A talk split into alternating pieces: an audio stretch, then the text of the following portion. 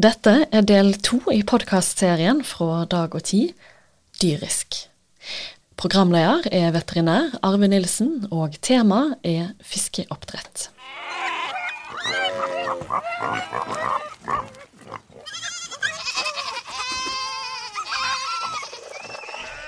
Velkommen til en ny dyrisk podkast her fra Dag og Tid.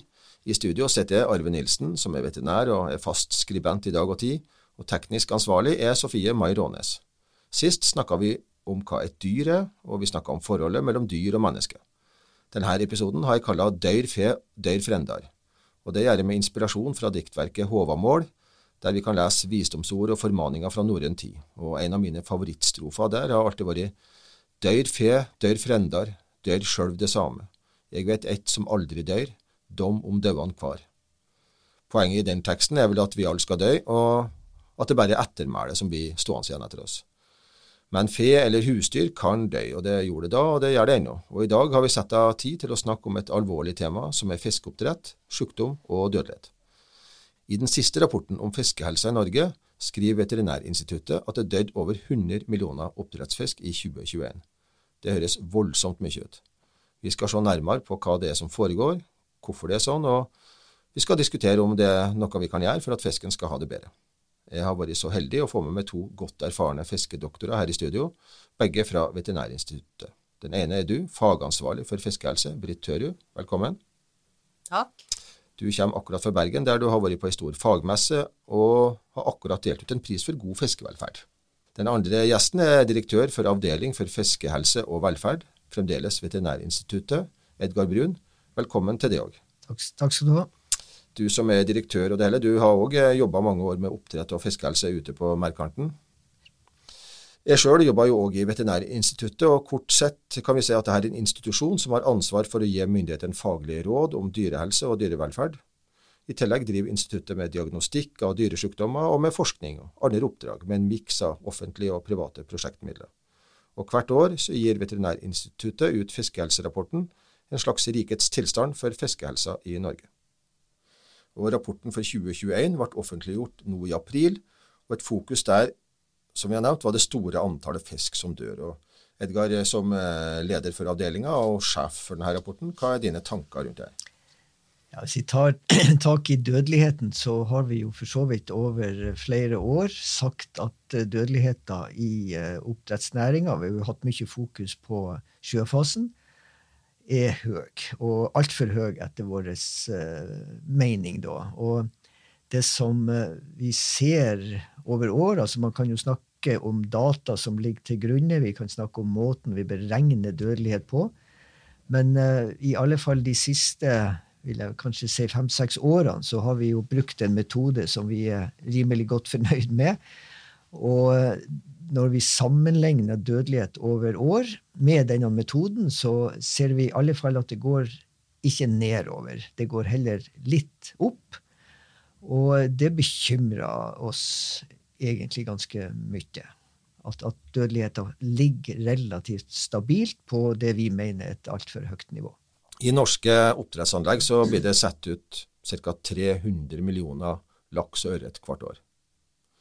Eh, og hvert år så er det ca. 500 millioner av dem, nei 50 millioner, 500 hørtes litt mye ut, 50 millioner av dem som dør før de har blitt store nok til å bli slakta. Eh, I tillegg så kommer det den fisken som dør på settefiskanlegg før den blir satt i sjøen.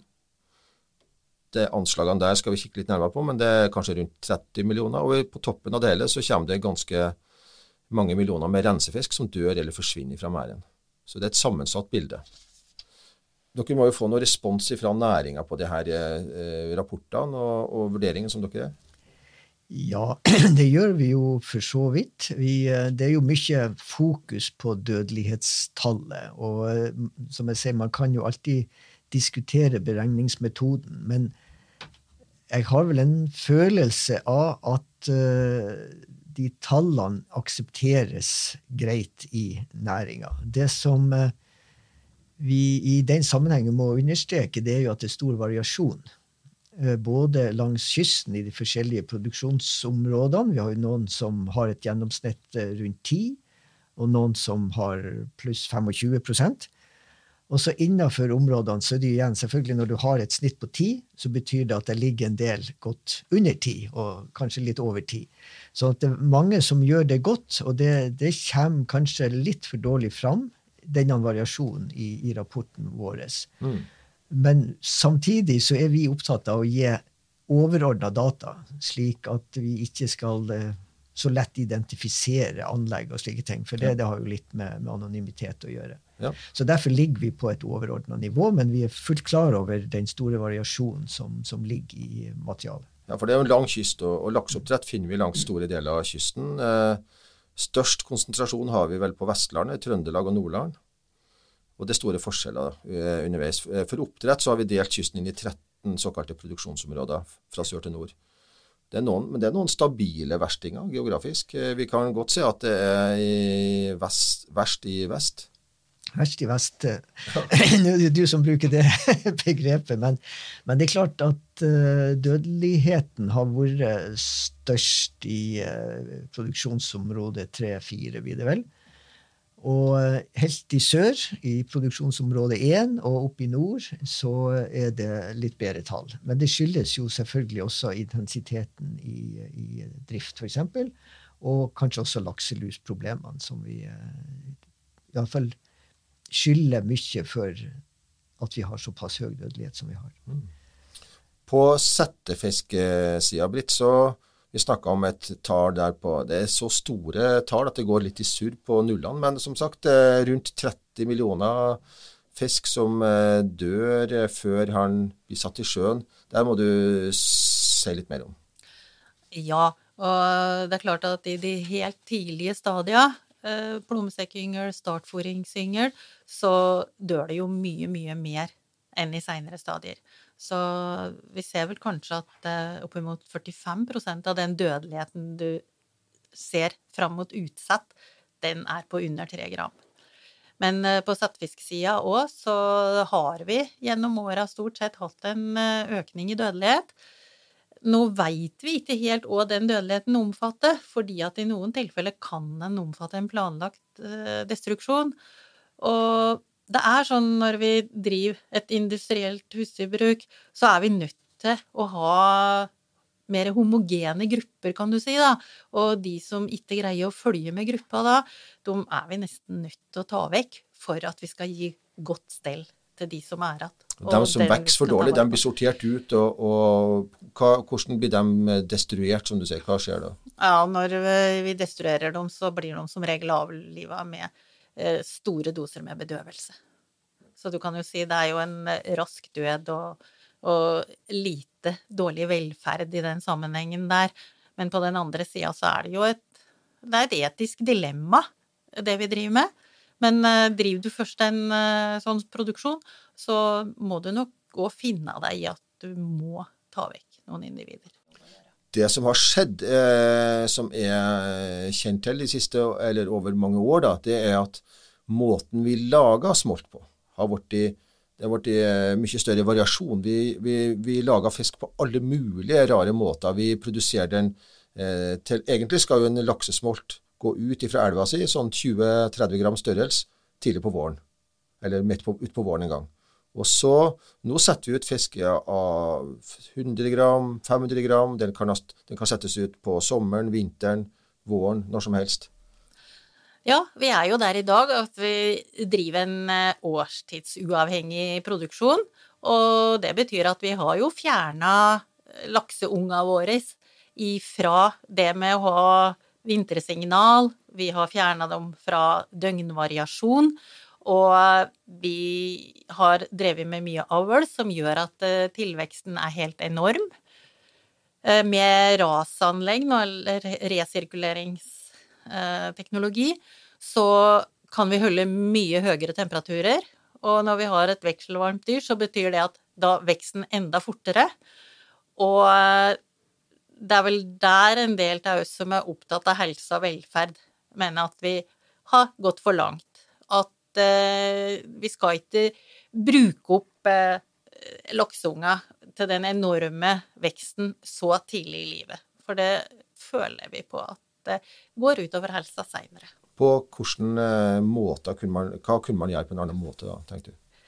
Det er jo litt ny forskning og nye erfaringer, eller gamle erfaringer som er fram om at det med en litt forsiktigere start, det gir en sterkere fisk i sjø og en bedre tilvekst òg.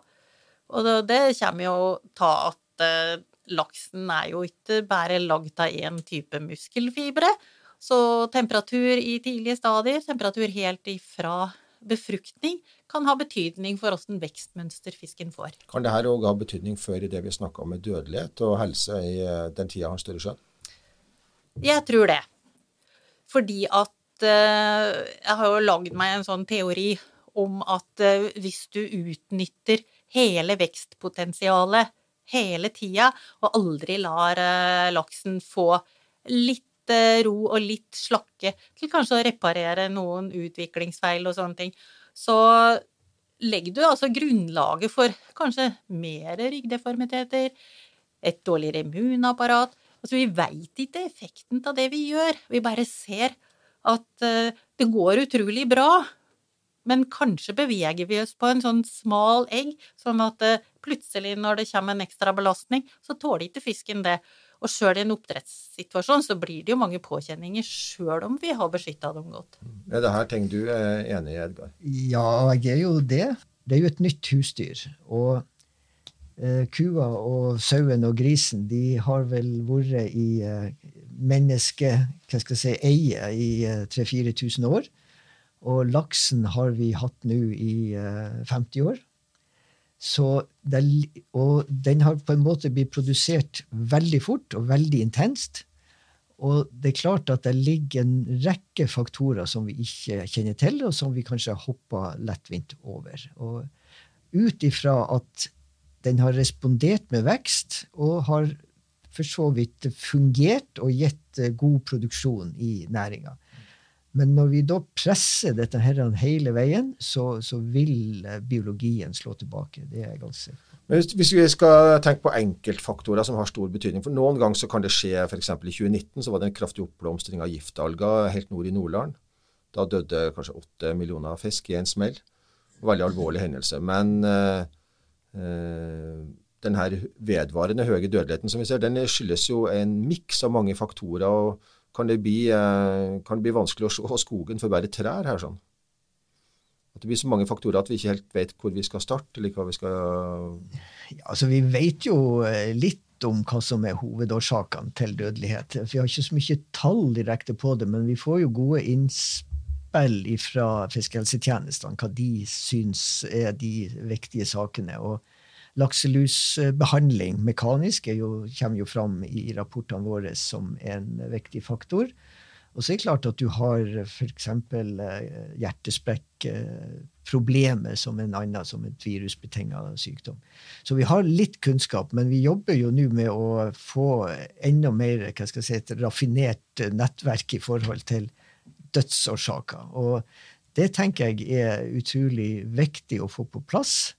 Både for å forstå hvorfor fisken dør, og ikke minst dette at vi kanskje kan gå inn og få litt mer styring og ta, ta de mest alvorlige problemene mer alvorlig. Ja, for du peker på én ting som jeg syns er forbløffende at vi ennå ikke har en felles nasjonal database for registrering og rapportering av både dødelighet og årsaker til dødelighet, som følger fisken fra han er liten, på land, og helt til han blir slakta.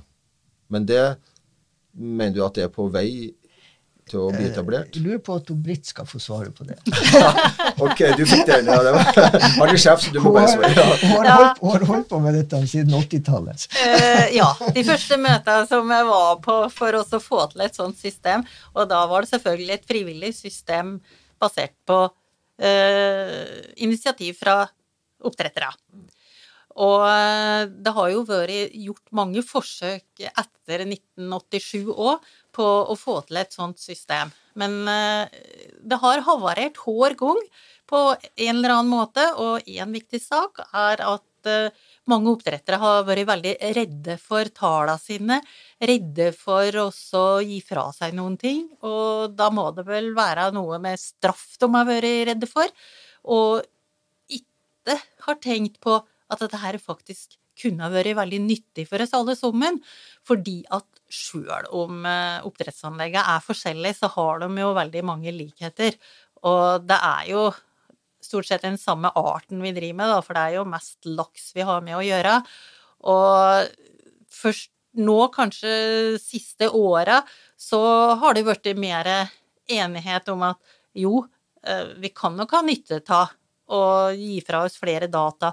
Vi kan få bedre forskning, vi kan få en bedre kunnskapsstøtte for myndigheten, og vi kan faktisk få et bedre regelverk ut fra det òg. Men eh, oppdrettsnæringa, hvis du starter og går tilbake til 1987, det er lenge siden. Eh, og denne næringa har jo endra seg dramatisk siden da. Ikke minst fordi at det har blitt færre og større selskap, og mer internasjonal kapital som står bak. Eh, på hvilken måte eh, har det har det gjort denne prosessen vanskeligere eller lettere, eller har, hvordan har det bidratt her, tenker dere? Edgar? Nei, det tror ikke jeg at den har gjort det så mye vanskeligere, egentlig. Altså, du har det som eh, Britt er inne på i forhold til eh, næringa har jo behov for å holde en del data konfidensielt. Eh, og dette å se dødsårsaker i et større bilde har vært litt vanskelig å få, få aksept for.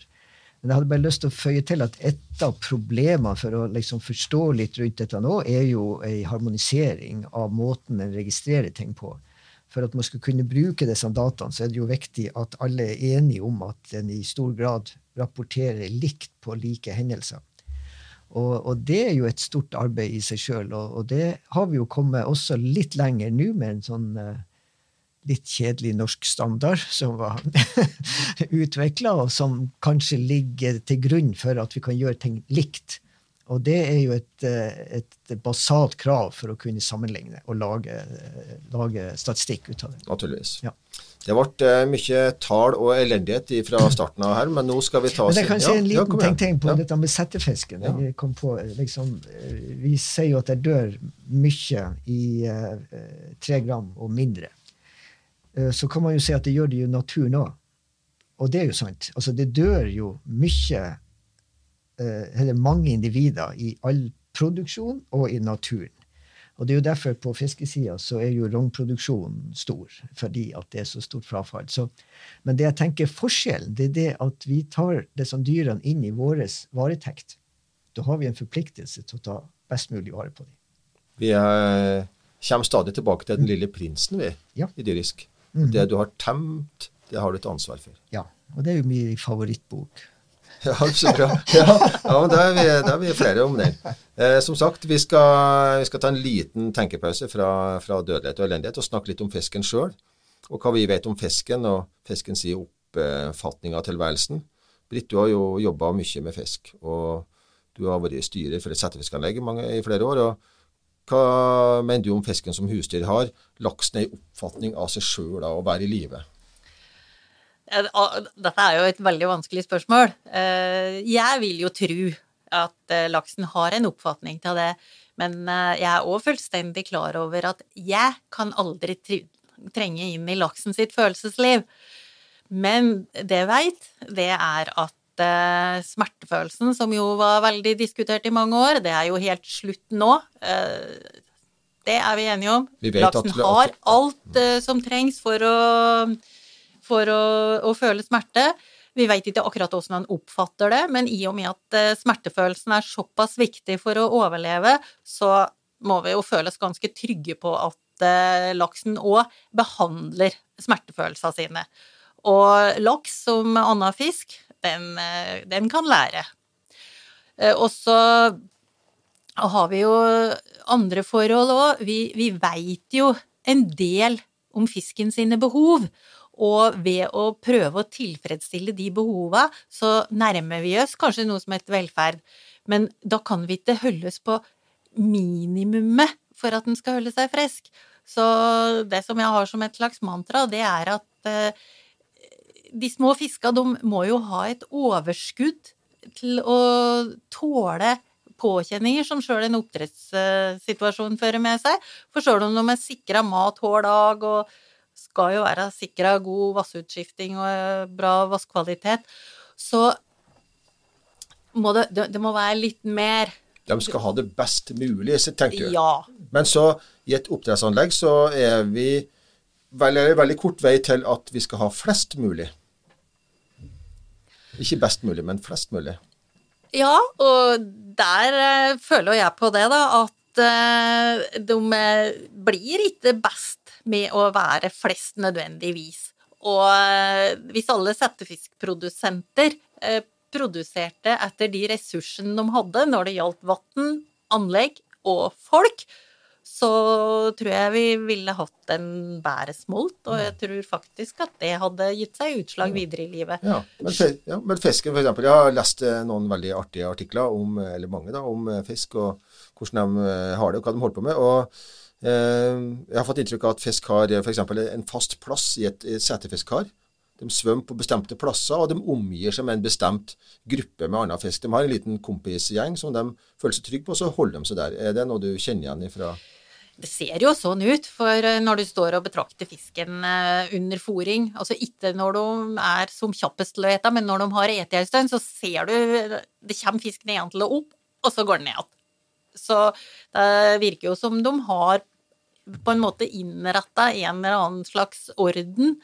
Så sjøl om vi kjører med forholdsvis store tettheter for å bryte ned det naturlige hierarkiet, for lakseyngel er jo en sånn fisk som liker å ha et territorium og sånne ting. Men når du sier bryt hierarki, hva er det hva... Det betyr jo at vi har dem så tett at de kan ikke hevde noe territorium.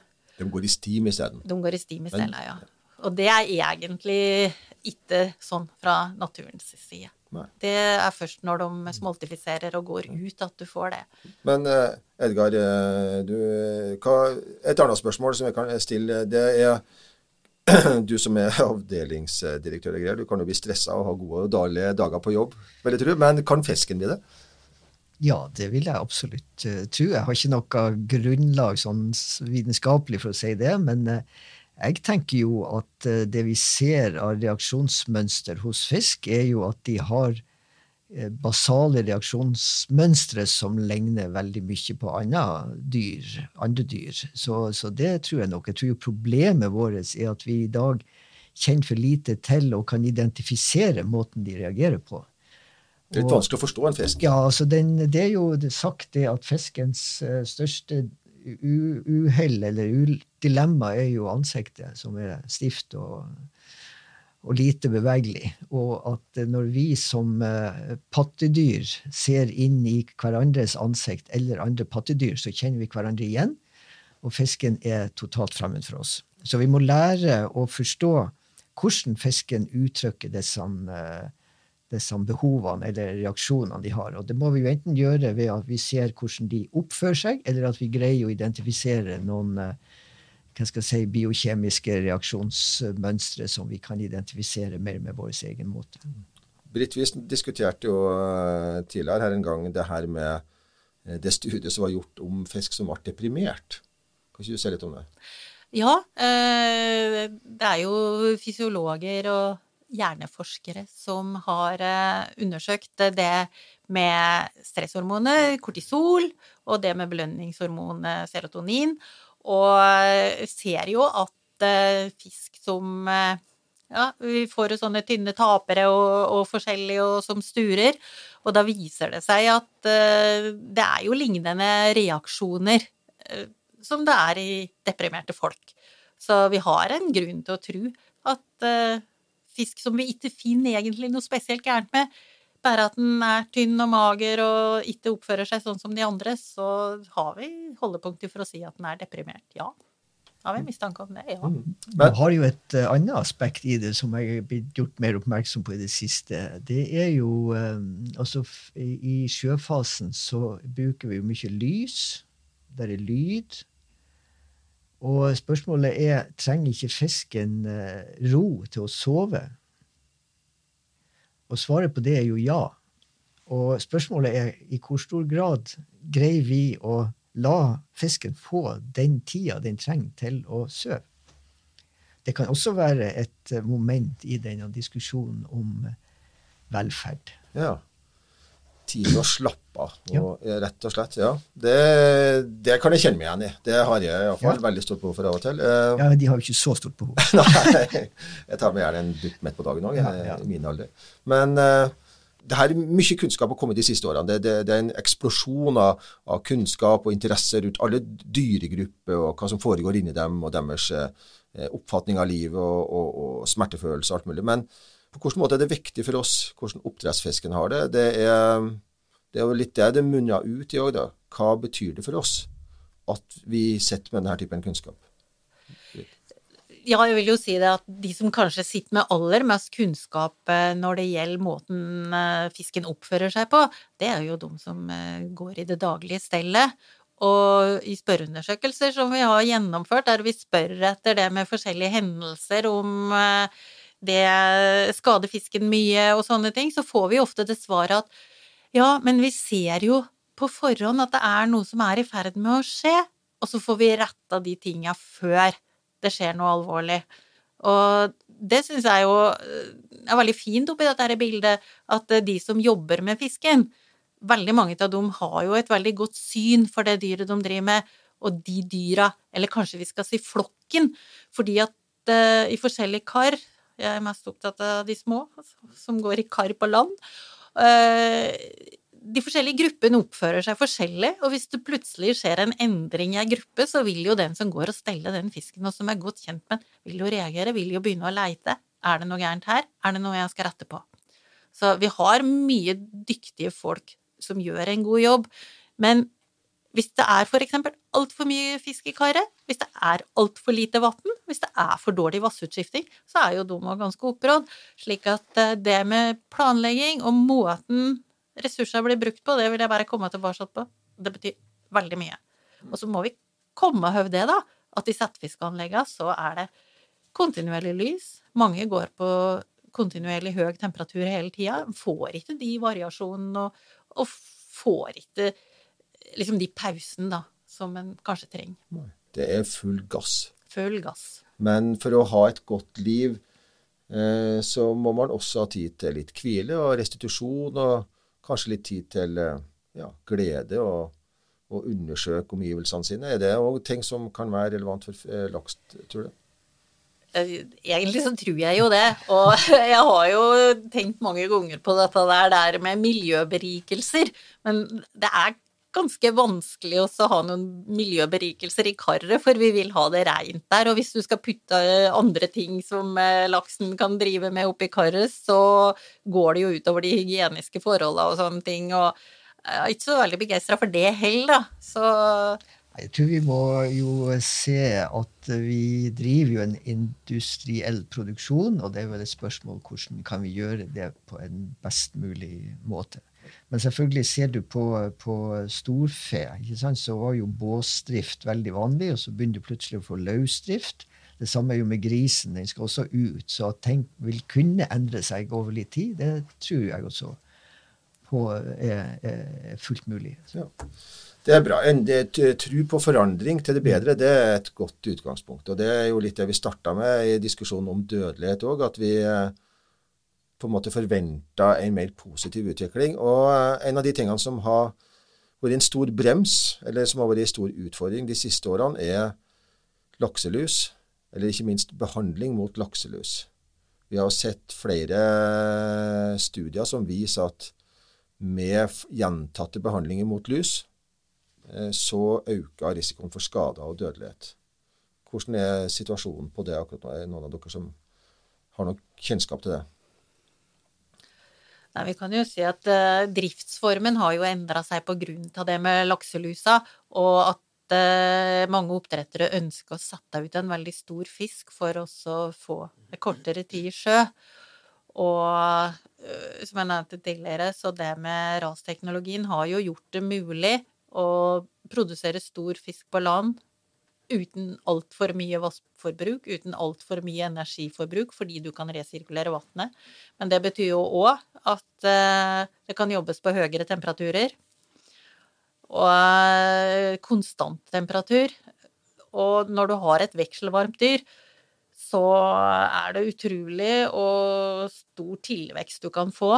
Og settefisken den får jo selvfølgelig et uh, fôr som er til en litt annen kvalitet enn det du bruker i sjø. Det er mer fiskemjøl, mer uh, marine ressurser i det. Og det er jo egentlig òg ganske rart, i hvert fall fram til den naturlige smoltifiseringa. Fordi at han spiser jo ikke marine råvarer Men, da. Edgar, på det vi har sett eh, av publikasjoner på eh, kobling mellom eh, lusebehandling og dødelighet, har jo vært ganske alvorlige tall. Og Det som var tilfellet før, eh, for inntil kort tid siden, så var det jo brukt legemidler stort sett for å bli kvitt lakselus. Og Det brukte vi fra ca. midten av 80-tallet og fram til 2015. Det vil si en periode på 30 år. Og så mista legemidlene ganske raskt eh, effekten pga. at lusa utvikla resistens, ikke bare mot én, men mot alle de viktige legemiddelgruppene. Og nye metoder er tatt i bruk. Og med det så mener vi bading med ferskvann, bading med lunka vann, eller for forskjellige typer for spyling eller børsting. Og alle de metodene som, vi, eh, som har erstatta legemiddelbruk, har vært med på å, å, å, føre til skader og dødelighet, og særlig ved gjentatt behandling. Eh, hvordan eh, bør man jobbe for å, å, komme videre her? Ja, si det. Um, dette betyr, eller medfører jo i grunnen at lus er et av de største problemene vi har. Altså ikke lusa i seg sjøl i forhold til fisken, men i forhold til villfisken. Det er jo derfor vi behandler så intensivt i oppdrettsnæringa. Og vi har jo eh, drevet litt uh, uheldig, for å være moderat, med de kjemiske midlene. At vi greide å ødelegge de på en måte i forhold til å være et uh, terapeutisk middel. Mekanisk er jo på lik linje med med, med, med, rensefisk. Noe vi tyr til i jeg skulle ikke si i desperasjon, men det er jo på en måte det eneste vi har å, forholde, og, og kunne bruke i dag. Eh, det som jeg tenker mer på, det er at disse metodene, iallfall eh, sånn som det er i dag, så er de eh, belastende for fisken. Så det er en sånn trade-off i forhold til at vi har ikke et alternativ.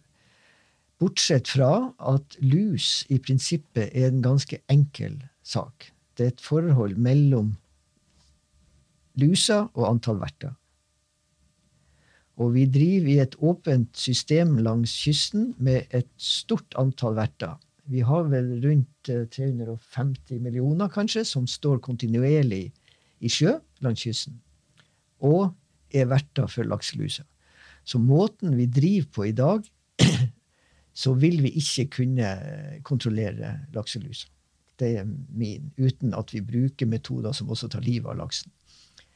Det er jo, en, eh, det er jo ikke en, en, måte vi kan fortsette å Nei, og Derfor så må vi se på alternativer som gjør at vi har ulike former for lukka system, tror jeg. Og kanskje har vi altfor mye fisk langs kysten også soneinndeling, det å mm. lage større avstander mellom anlegg eller mellom oppdrettssoner, kan det være en vei å gå? Det er jo gjort en del eh, modelleringer som viser at uh, man kan plassere anlegg mer strategisk i forhold til smitte.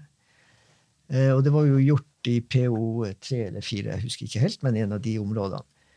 Uh, så det er én måte å tilnærme seg dette på. Om den er et slags endelig resultat eller endelig metode, det har jeg jo eh, litt uh, tvil om. Men, uh, men, vi må tenke mye mer på hvordan vi plasserer anlegg, og, hvor, hvor, og hva slags type anlegg vi har i, i, forhold til lus. Jeg tror ikke vi greier å behandle oss ut av luseproblemet. Hvis man går inn og ser på tall, så ser man at enkeltanlegg her igjen er det stor variasjon. Noen anlegg klarer seg med veldig lite behandling, har lite lus, og noen har veldig mye om å behandle hele tida.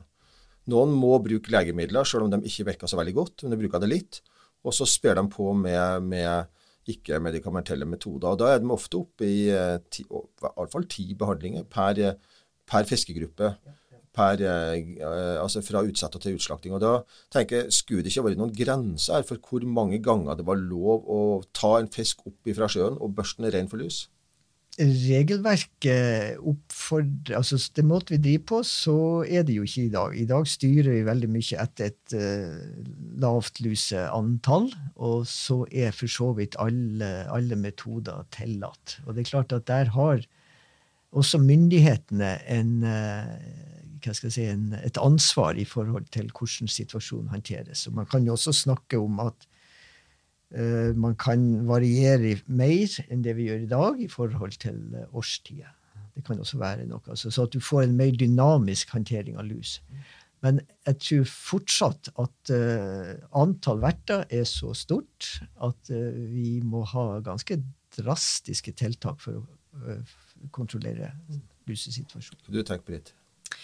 Altså, jeg tenker jo at gjennom trafikklyssystemet Eh, som eh, da skulle gi oss eh, en forutsigbarhet når det gjelder vekst, så viser det at liksom alt går på vekst. Det er ikke spørsmål om noe i regelverket som setter krav til at vi skal ha bedre helse. Altså, du kan få Bare du avluser ofte nok og dreper nok fisk, så kan du få vekst fordi at du holder deg under de lusegrensene du skal ha. Og det må jeg si at da virker ikke forskriften sånn som de skal. Men er det ikke eh, naturlig å legge inn eh, krav om god velferd og lav dødelighet for å få lov til å, eh, å, å, å få økt produksjon på et anlegg eller i et område? Altså, vi skulle jo ønske det. Eh, akkurat eh, måten det bør gjøres på, eh, om det bør tas inn i trafikklyssystemet, eller det bør være noen tilleggsregler, det skal ikke jeg si, men det at du kan få ny vekst, samme hva du gjør med fisken, nesten, bortsett fra hvis du behandler den mer enn én gang med kjemiske midler, for det får du bare lov til å gjøre én gang.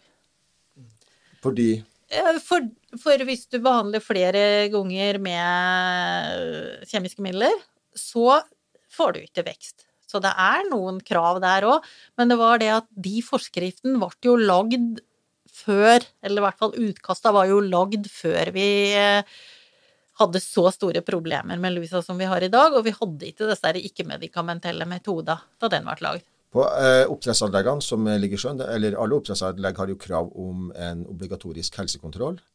En tilsyn med en helsetjeneste. Og det i helsetjenestene er det òg som eh, forskriver lusebehandling.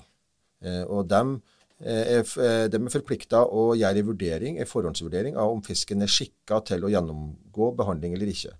Og det som er veldig vanskelig, er å gjøre den typen risikovurdering i forkant. For mange av de her fiskegruppene eller fiskene har jo en eller annen form for lidelse. De har kanskje nettopp gått gjennom i behandling, de har kanskje en gjeldesjukdom, de har kanskje en, et hjertevirus eller eh, sår som gjør at de er sårbare for, eh, for, stress og skader og dødelighet. Men kanskje er fisken 1,5 kilo, 2 kilo, kan ikke slaktes uten store tap. og eh, anlegget er pålagt å fjerne lus av Mattilsynet. Det er jo det overordna kravet som ligger der i forhold til videre vekst. Og det etterleves 100% fordi at det er jo det som er driveren i oppdrettsnæringa. Det er vekst. Jeg tør vel å si det sånn. Og jeg tenker nok at uh, det er en uh, mulighet for å regulere ting, men det krever ganske strikt oppfølging av regelverket.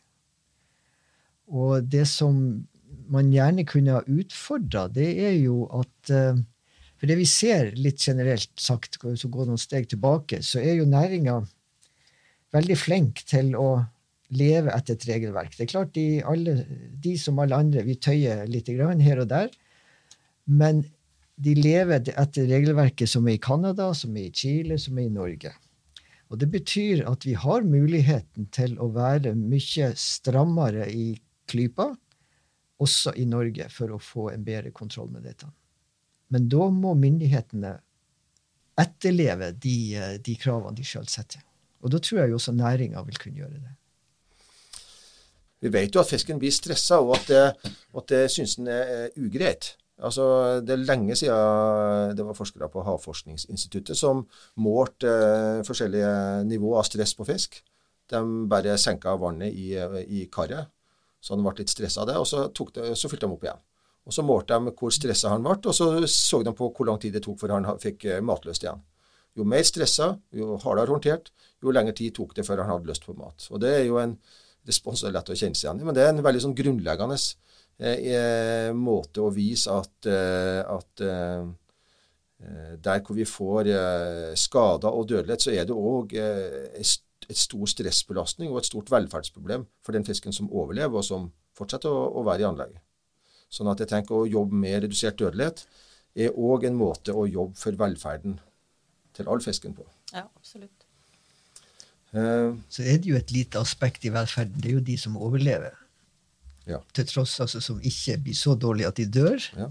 Og det livet de har etterpå, er jo også et velferdsissue. Absolutt. Og hvis de skal gå gjennom samme, mm. samme mølle en gang til, så mm. kanskje de syns det er ah, nei, ikke noe igjen. ja. Men på, eh, vi har én ting som vi må snakke om som er et sånn spesialtema, som jeg syns er litt sånn trist, og det er rensefisken.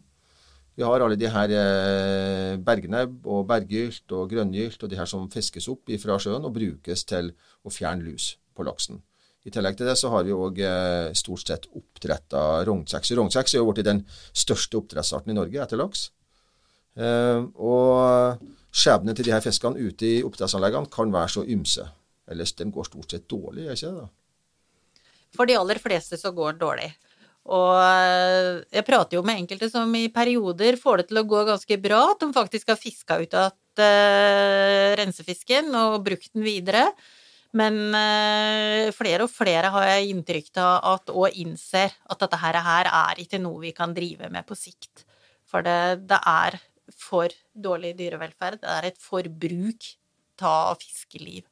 Og oppdrettere er jo heller ikke interessert i å ha det sånn, og de er jo forberedt på at dette her er noe som vi må fjerne, men vi må kanskje ha det inntil videre til vi finner noen andre løsninger. Det ble jo lansert, eller Jeg var med og jobba med rensefisk for mange år siden. og Da så vi jo på det som en veldig biologisk og økologisk og en veldig miljøvennlig måte å fjerne lus på en god stund. Det var på 90-tallet, og da hadde vi ikke tenkt så mye fiskevelferd ennå. Nei. Og det er en forskjell, Men det kan være en forskjell på eh, den rognkjeksen som blir oppdretta på land og satt ut i sjøen, og de ville bergnebbene og berghiltene som blir fanga og satt inn i, i, i lusetjeneste. Ja, det er forskjell på det. Jeg syns jo det i hvert fall følelsesmessig er verre å sette en vill fisk inn i ei not sammen med en art som har helt andre behov og som har en helt annen måte å leve på. Så sjøl om vi fyller opp eh, merden vår med skjul for rensefisken, sånn at den skal ha en plass å hvile seg, så det er jo ikke riktig å drive og blande sånn. Det er jo ikke det. Men vi har jo vært i oppråd, og, og, som du sa, vi så det jo som en eh, veldig biologisk og fin måte å gjøre det på. Den gjorde at vi først på 90-tallet faktisk slapp å bruke noe særlig kjemikalier. Og det var jo noe som alle ville og så på som et framskritt. Men som sagt, da hadde vi ikke kommet så langt at vi tenkte så veldig mye fiskevelferd. Bortsett fra at vi skjønte at vi måtte lage skjul for den, for det mm. hadde vi jo helt fra start. For det er jo fiska med en helt annen type biologi mm. og annet ja. behov. Og ja. en fisk er ikke en fisk. Vi snakka jo litt om det i stad. Da hadde vi veldig fokus på laks. Men f.eks. En, en bergnebb eller en bergylt har jo et helt annet krav til til miljøet sitt enn en laks har. De er ikke noen gode svømmere. De, liker, og, de er veldig glad i å ligge og sove. Ja. De sover godt, og de, og, og, og de vil òg være veldig lite aktive gjennom vinteren. Da ligger de ofte stort sett bare og dormer og tar livet med ro. Eh, og de, eh, også, de er òg veldig utsatt for sykdom, sånn som jeg oppfatter det. Ja, og spesielt ravnkjeksen nå, kanskje. Ja. Enda verre enn leppefiskarter. Ja. Så, og den store utfiskinga av de ville leppefiskene langs kysten jo, er jo òg et problem for de ville bestandene. Det er ganske store mengder fisk som tas ut. og de, eh, de lever jo ganske lenge og er veldig stasjonære, så du kan ha negativ ja, innvirkning på, på, miljøet på den måten. Jeg ser jo sånn eh, biosikkerhetsmessig og det å ta med smitte, for vi har tross alt fått importert eh, leppefiske fra Sverige. Til å begynne med så fikk vi dem jo fra Sørlandet.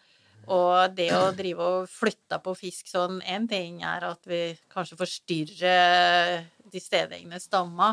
Men uh, vi kan jo flytte med oss uh, uønska mikrober, og hvis vi tenker på det, så er kanskje sjukdom den aller verste ja, den verstingen når det gjelder å skape dårlig velferd. Mm.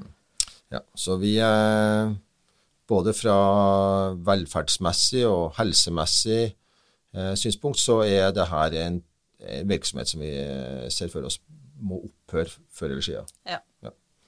Men eh, vi har én stor helse Vi har mange helseutfordringer, men en som jeg har lyst til å si litt om, og det er sår. For det er et eh, problem som har dukka veldig opp eh, igjen. Det har dukka opp stadig vekk. Og det siste året har vært et veldig alvorlig år i mange oppdrettsanlegg langs hele kysten med sår, med bakterieinfeksjoner. Eh, og en del av det kan ha med behandling mot lus, som vi snakka om i stad. Fisken blir tatt opp av vannet, han blir håndtert og kan miste slim og skjell og, og, og, og, utvikle sår i etterkant. Men det her, eh, mange mener at det her går utenpå det igjen, og det er et eget problem. Og det er mange ulike bakterier som er involvert. Eh, har dere noe kunnskap om hva som foregår? Hvis jeg skal begynne, så kan jeg vel si at vi har vel ikke en fullendt kunnskap om hva som har skjedd som endrer situasjonen. Sår har vi jo hatt over lengre tid, og hatt for så vidt en viss kontroll med gjennom vaksine og kanskje litt eh, behandling. Men det har skjedd noe i det siste som uh, har gjort at forekomsten av sår har økt betydelig. Og jeg ser jo egentlig flere aspekt i det. altså Du har jo dette med sår og helse er jo en ting. Du har med velferd. Dette er jo et klart problem i forhold til osmos, eller sånn elektrolyttbalansen hos fisk. Og så er det jo et økonomisk problem at du får ned klassifiseringer av, av denne.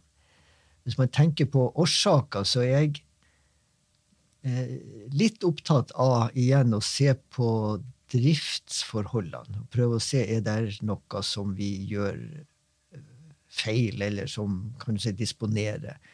Og Vi har snakka litt om som mekaniske tingene, men jeg tenker jo òg at uh, fiskens slim skal beskytte mot infeksjoner. Og slimbarrieren, som er det første forsvaret, altså både på gjeller og på, på, hud. Altså dette å ha økt kunnskap om hudhelse, som man sier.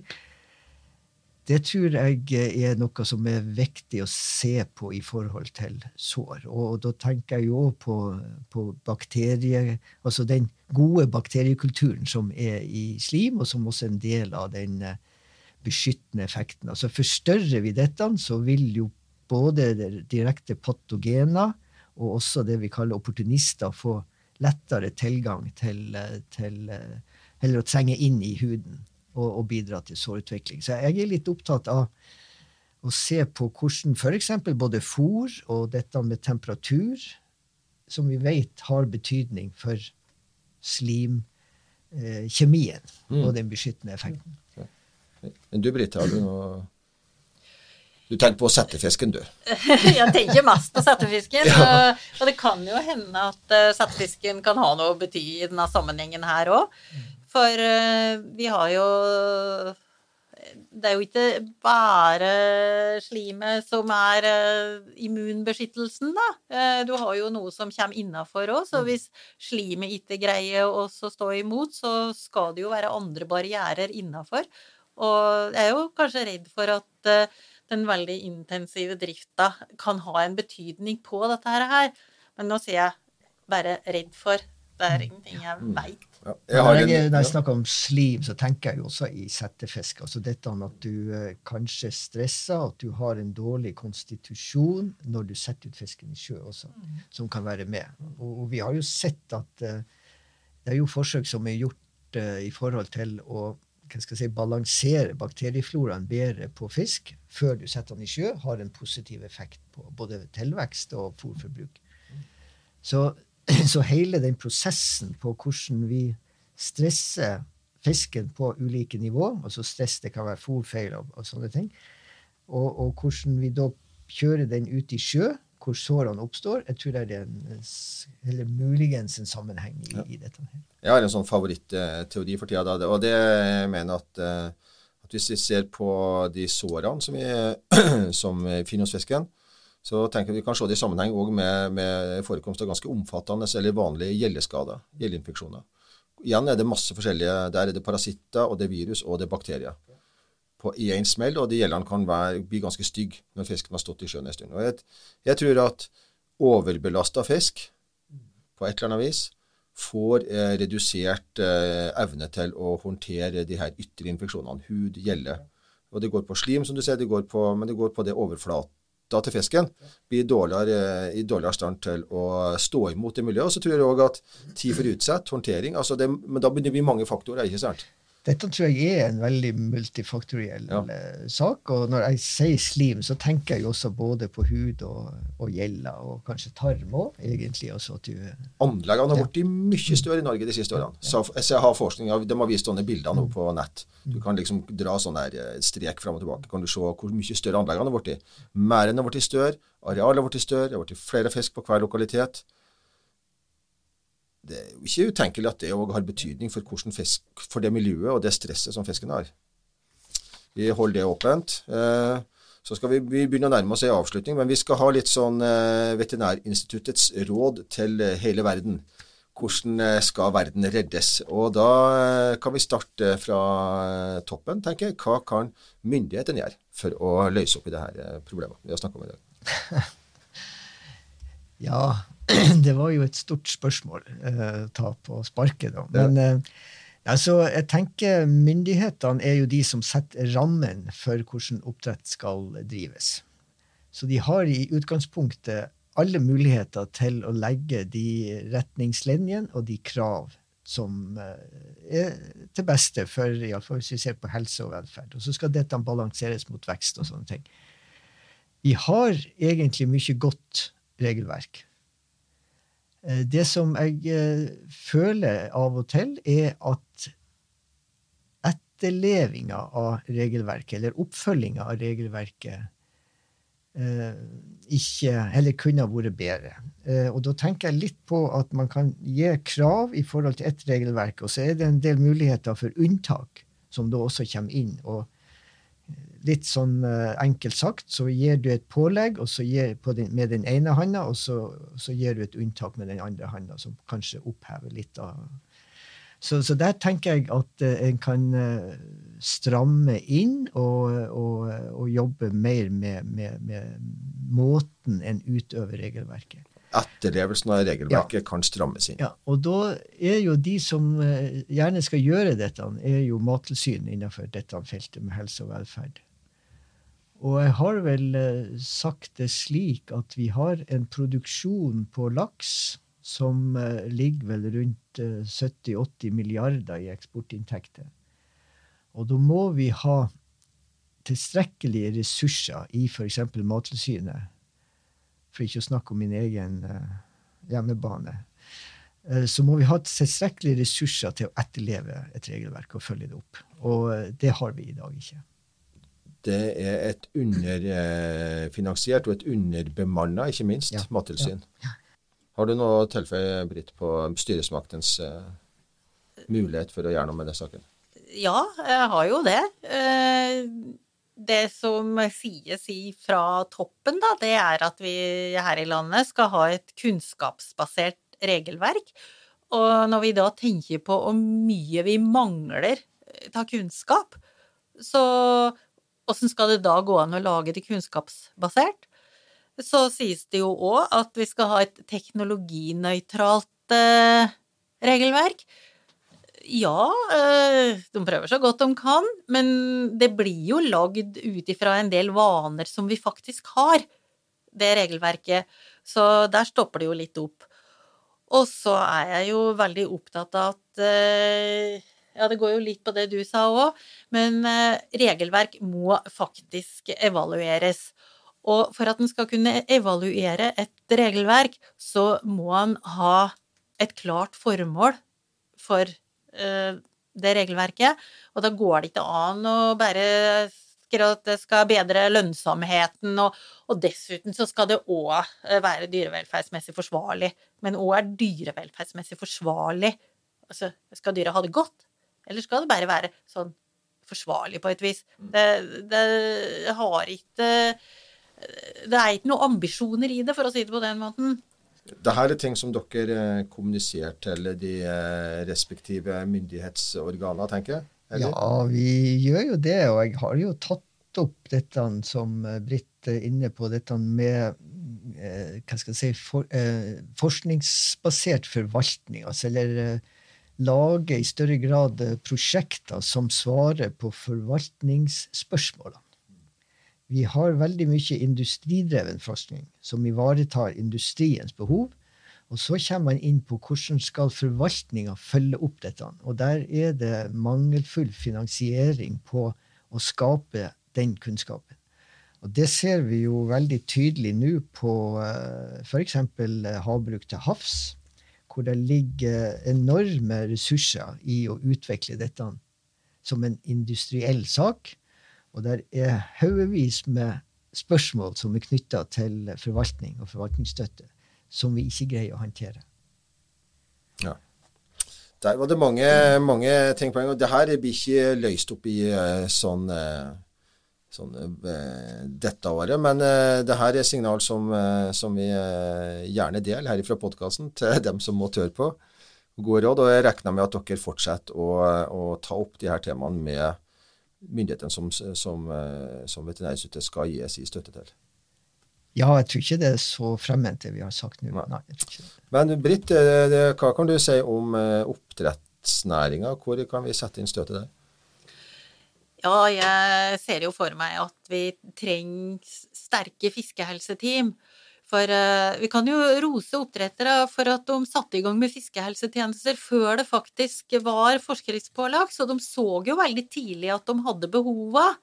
Men uh, nå har jo næringa vokst veldig, veldig fort. Uh, det har vært mange, mange helseproblemer, og det settes stadig større krav til fiskehelsepersonellet. Og da betyr det at Eh, hvis eh, de skal kunne klare å gjøre jobben sin overfor ganske sterke krefter som er høyere oppe, som eh, kanskje ikke har den biologiske forståelsen som er nødvendig for at dette her skal skje på en god måte. Så jeg tror vi må sørge for at fiskehelsepersonellet Eller det er jo ikke vi som kan sørge for det, men jeg tror oppdretterne må tenke mer på dette her, her må vi gjøre. Vi må ha sterke folk på den sida òg, som kan lage en balanse mot eh, de som bare interesserer seg for økonomien. Og for egen del så må jeg si at jeg har egentlig som mål nå at vi skal få lagd til kurs som velferdskurs som er beregna på ikke-biologer. Og så har vi selvfølgelig en drøm om å kunne påvirke de store selskapene om at de ikke skal ansette andre folk enn de som i tillegg til kanskje en økonomiutdannelse, økonomierfaring, juridisk erfaring, at de òg har den der biologiske ballasten på toppen. Ja, da runder vi oss inn imot eh, Håvamål, for å vende tilbake dit. Jeg vet ett som aldri dør, dom om dauan hver. Det er en streng dom, tenker jeg, som blir hengende over oss hvis vi ikke får gjort noe med de alvorlige problemene som vi finner i oppdrettsnæringa i dag. Det, her, det er mulig å gjøre noe med det. Det er vel en hovedkonklusjon av diskusjonen. Eh, og vi vet ganske mye om hva vi kan gjøre.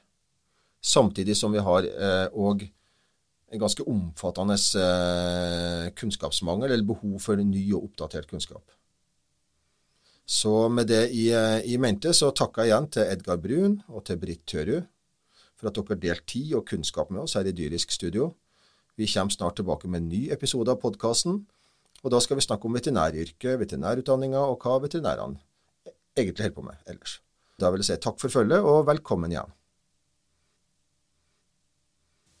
Du lytter til andre del av podkastserien Dyrisk. Abonner på Dag og Tid-podkasten i din podkast-app, eller meld deg på nyhendebrevet vårt, så får du beskjed når neste episode kommer. Arve Nilsen skriver fast for Dag og Tid, og 13. mai skriver han om klauvråte. Du finner ei lenke til artikkelen i beskrivinga til denne podkastepisoden. Er du ikke abonnent, kan du bestille et gratis prøveabonnement på dagogti.no pro. Takk for at du lytta.